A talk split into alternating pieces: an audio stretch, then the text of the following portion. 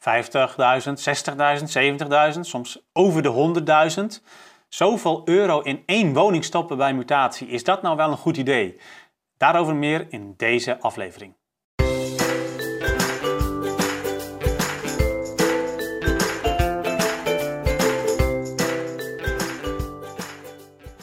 Ja, het levert soms tot uh, paniek en ook tot extra overleg en extra vergaderingen bij corporaties. Als je op een gegeven moment bij mutatie erachter komt dat je door alle stapeling van dingen die je bij mutatie wilt gaan doen, misschien wel meer dan 60, 70, 80, soms wel meer dan 100.000 euro in één woning gaat steken. En dan is de vraag natuurlijk wel gerechtvaardigd van, is dat nou wel zo'n goed idee? Um, en wat dan wel lastig is, is dat er eigenlijk niet een heel goed zicht is op waar dat geld nou eigenlijk naartoe gaat en waar je dat mee moet vergelijken. Want eigenlijk is het niet één beslissing om x bedrag in een woning te stoppen, maar zijn het een aantal beslissingen die je bij mutatie moet maken en waar je ook op verschillende manieren gegevens voor nodig hebt om dat op een goede manier uh, te kunnen doen. Als eerste even wat is eigenlijk mutatieonderhoud? Je kunt dat op twee manieren definiëren. Je kunt dat als de, uh, het tijdstip van het onderhoud definiëren, hè, namelijk het onderhoud wat je bij mutatie doet. Um, nou, dat is natuurlijk één manier van definiëren. Maar een andere, meer inhoudelijke definitie is dat je zeg maar, kijkt van um, het mutatieonderhoud is eigenlijk het onderhoud wat je doet om een woning eigenlijk met dezelfde kwaliteit, maar toch dat je, dat je toch een aantal kleine dingen doet, zodat je dat met uh, goed fatsoen ook weer aan een volgende huurder uh, kunt gaan verhuren. Maar die woning behoudt natuurlijk nog wel dezelfde kwaliteit daarmee. Wat ik in de praktijk zie, is dat er bij mutatie een, ja, een aantal verschillende uh, soorten van geld uitgeven eigenlijk, of geld investeren, bij elkaar komen. En dat is in de eerste plaats dat inhoudelijke mutatieonderhoud. Dat is vaak ja, klein onderhoud. Hè. Het gaat om het stukken van een wandje, het hang- en sluitwerk weer, weer in orde maken. dat soort zaken om die woning met dezelfde kwaliteit, maar wel met goed fatsoen aan een volgende huurder te kunnen verhuren. daarnaast gaat het ook vaak om uitgesteld of naar voren gehaald planmatig onderhoud. Veel corporaties kiezen ervoor om de binnenkant van de woning, dan hebben we het over de keuken, de badkamer, de toiletten, om dat niet complexgewijs uh, te vervangen na een x aantal jaren dat het in de woning heeft gezeten, maar te wachten tot die woning muteert en dat dan op dat moment te doen. Nou, dat is wel onderdeel van dat hoge bedrag vaak, maar dat is natuurlijk niet uh, inhoudelijk gezien, is dat niet mutatieonderhoud. Dat is planmatig onderhoud bij mutatie, met de nadruk op bij. Um, en een derde categorie is nog investeringen die je doet bij, wederom met de nadruk op bij, bij mutatie. Dus dan kan het bijvoorbeeld gaan om investeringen in de verduurzaming, eh, investeringen in levensloopgeschiktheid van de woning, waardoor de woning ook een andere kwaliteit krijgt. Um, en eigenlijk moet je die drie dingen dus uit elkaar uh, trekken. Hè? Van, ja, um, dan is het wel belangrijk om ook van tevoren goed in te kunnen schatten. Wat verwacht je bijvoorbeeld van uh, dat uitgestelde of naar voren gehaalde, maar meestal uitgestelde planmatig onderhoud wat je bij mutatie uitvoert. Nou, wat daarvoor eigenlijk nodig is, is dat je ook uh, een scan maakt van wat er in de woning aan de hand is en wat je kunt verwachten. Kijk, voor het planmatig onderhoud van de buitenkant is het allemaal wat makkelijker. Um, daar uh, werk je vaak wel complexgewijs. Hè? Dus als het gaat om dakvervanging, als het gaat om de gevels, als het gaat om bijvoorbeeld een liftvervanging, uh, allemaal dat soort zaken.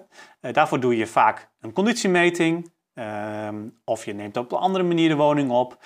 maar in ieder geval weet je daarvan de kwaliteit en kun je op die manier ook in je begroting inschatten wat je dan moet opnemen voor de komende jaren om dat planmatig onderhoud goed te kunnen uitvoeren. Maar het planmatig onderhoud wat eigenlijk aan de binnenkant van de woning zit en wat je dus bij mutatie doet, dat is veel lastiger. Want vaak heb je daar veel minder goed een beeld van.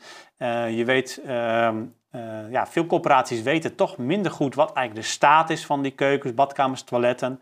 Ehm, en hebben daar ehm, ja, wel sporadisch, maar niet een totaalbeeld van. Dus dat zul je eigenlijk moeten gaan krijgen, moeten gaan, eh, moeten gaan ontwikkelen, om ook daar een goede inschatting van te kunnen maken op voorhand van wat er op je afkomt en wat er in een bepaald jaar eh, dan nodig is aan financiële middelen om dat planmatig onderhoud alsnog bij mutatie te doen.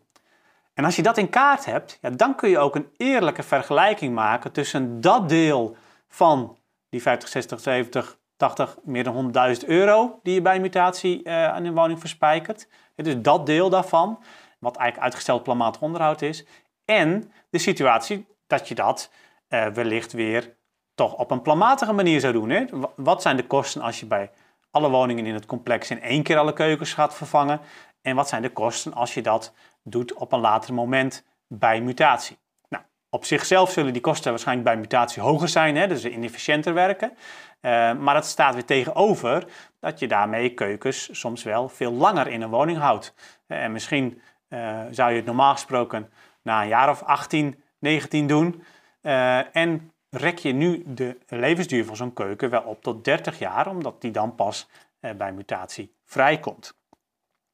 Nou, dus op die manier kun je ook dan op dat aspect, in ieder geval financieel gezien, ook de vergelijking maken tussen wat is nou beter om dat soort planmatig onderhoud echt planmatig te doen. In één keer voor een heel complex of juist bij mutatie. Um, nou, dan hebben we natuurlijk nog een deel van, uh, van de investeringen. En daar uh, is ook wel uh, belangrijk dat je ook echt een goed kwaliteitskader hebt voor wat je nu aan kwaliteitseisen hebt voor um, investeringen in bestaande bouw. Want wat een valkuil is bij investeren in bestaande bouw, is dat je um, ja, heel snel denkt van, goh, als we er nou toch zijn, dan nemen we dat nog even mee en dat nog even en dat nog even en dat nog even. En voor je het weet ben je natuurlijk ook, nou ja, ook, ook technisch, maar ook qua bedrag ben je wel zo'n beetje op slopershoogte. Uh, en uh, ga je jezelf afvragen of het nou wel een goed idee is om dat geld allemaal in die woning te stoppen of dat je misschien beter iets heel nieuws kunt, kunt bouwen op die plek.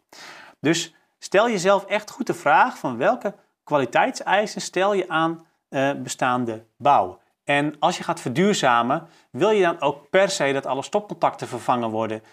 Tuurlijk, het ziet er mooier uit hè, dan die vergeelde uh, stopcontacten van 30 jaar geleden.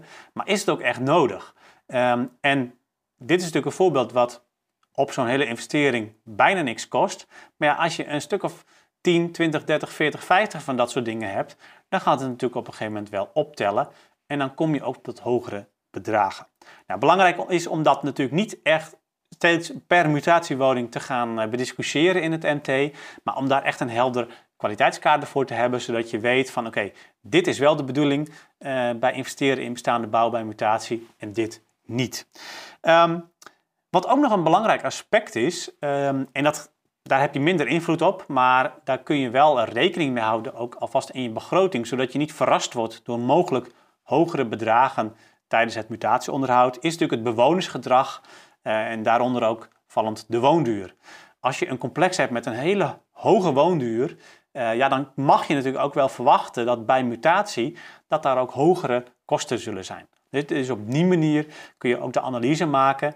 En uh, voor het deel van het echte mutatieonderhoud, hè, dus dan hebben we het over het stukken en over het hang- en sluitwerk en dat soort zaken. Um, ja, dan kun je ook dat beter gaan inschatten, wat ook voor dat onderdeel uh, de kosten zullen zijn. Nou, op deze manier kun je dus je grote bedrag bij mutatie, waar het dan vaak over gaat uh, um, en, en, waar je ook wel eens van kunt schrikken, uit elkaar rafelen in drie verschillende onderdelen. Dus uitgesteld planmatig onderhoud, uh, investeringen en daadwerkelijk inhoudelijk mutatieonderhoud. En vervolgens ook voor al die drie zaken afzonderlijk eigenlijk kijken van is dat geld nou waard wat er tegenover staat. En uh, op die manier kun je dan, uh, denk ik, een veel betere afweging maken en ook een veel betere inschatting vooraf maken van wat je mag verwachten in je mutatieonderhoud. Um, nou, ik wens je daar heel veel succes mee om dat uh, op die manier te gaan inregelen. En natuurlijk graag ook weer tot een volgende aflevering. Doei!